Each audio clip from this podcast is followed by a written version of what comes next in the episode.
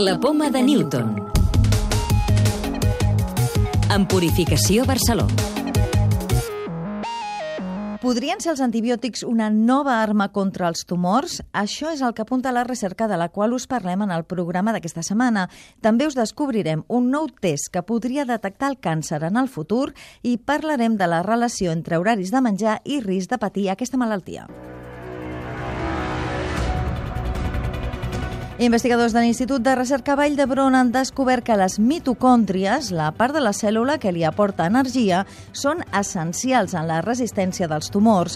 Com que els antibiòtics incideixen sobre les mitocòndries, han utilitzat un d'aquests fàrmacs contra cèl·lules agressives de càncer de mama i en tumors de laringe. L'assaig s'ha fet amb ratolins i han comprovat que efectivament els antibiòtics poden ser útils també contra el càncer. Matilde Lleonard és la responsable de la investigació. Lo que hemos intentado intentado ir es hacia el talón de Aquiles de los tumores malignos, que son básicamente las células resistentes y las células madre de cáncer. Y hemos encontrado que estaban basadas en las características metabólicas y respiratorias de las células que las lleva a cabo un orgánulo que es la mitocondria como la mayor parte de los antibióticos lo que hacen es atacar y bloquear la mitocondria, pues nos hemos dado cuenta que el tratamiento de antibióticos junto con otros agentes quimioterápicos era capaz de reducir la formación de los tumores.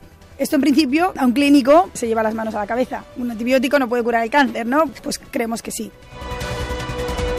Lo hemos visto para dos de ellos, también lo hemos visto en diferentes modelos, tanto en mama como en células de laringe y pues hemos demostrado que en vivo, en ratones, realmente los tumores pues eran mucho más pequeños. Tot i que es tracta d'antibiòtics aprovats, la descoberta pot trigar a arribar als pacients perquè primer caldran assajos sobre tumors reals i en malalts.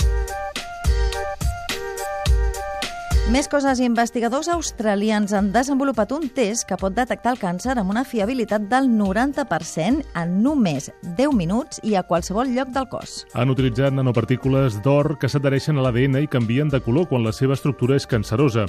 És una línia de recerca que va començar a Barcelona, en concret a l'Institut de Nanociència i Nanotecnologia. Laura Lechuga es una de las responsables de recerca del centre. Con unas gotas de la sangre del paciente se puede procesar y simplemente ver estas marcas epigenéticas en cuestión de 10, 15 o 20 minutos. Pensamos que se va a ser el futuro del diagnóstico precoz del càncer. Sopatar i no deixar un mínim de dues hores entre menjar i anar a dormir incrementa un 20% el risc de tenir càncer. Això és el que conclou un estudi pioner de l'Institut Is Global de l'obra social La Caixa, que per primer cop ha investigat com els horaris dels àpats afecten la salut. Gemma Castanyo és una de les autores de l'estudi. Els participants que sopaven abans de les 9 i que també deixaven unes dues hores entre l'hora de sopar i l'hora d'anar a dormir tenien un 20% menys de risc que aquella gent que sopava cap a les 10 o més tard i que a més a més deixava un interval molt curt entre l'hora de sopar i l'hora d'anar a dormir. I investigadors nord-americans han creat un gel que pot regenerar el teixit cerebral després d'un ictus. Es tracta d'un nou biomaterial que s'ha provat amb èxit en ratolins, el van injectar en la cavitat que queda després d'un ictus i van comprovar que actuava com si fos una mena de vestida per permetre noves connexions cerebrals. Al cap de 16 setmanes, els ratolins van començar a millorar les seves capacitats motores. La contaminació dels oceans arriba fins als sediments del fons marí de l'Antàrtida. Això és el que han descobert els científics del CSIC que han estudiat cèl·lules de sediments antàrtics i han trobat restes de contaminants a centenars de metres de profunditat. Això és especialment preocupant perquè en aquestes àrees molt profundes les baixes temperatures i també l'absència de llum dificulten la degradació i tampoc no es pot netejar la contaminació, la qual cosa afecta molts organismes aquàtics. La clau de volta.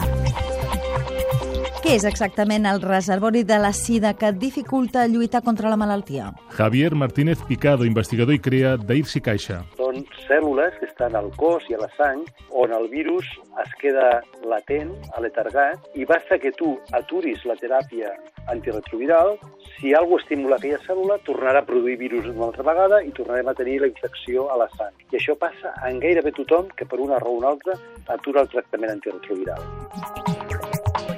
Recordeu que ja podeu descarregar-vos el podcast de la Poma de Newton o subscriure-us al programa per rebre'l directament als vostres dispositius.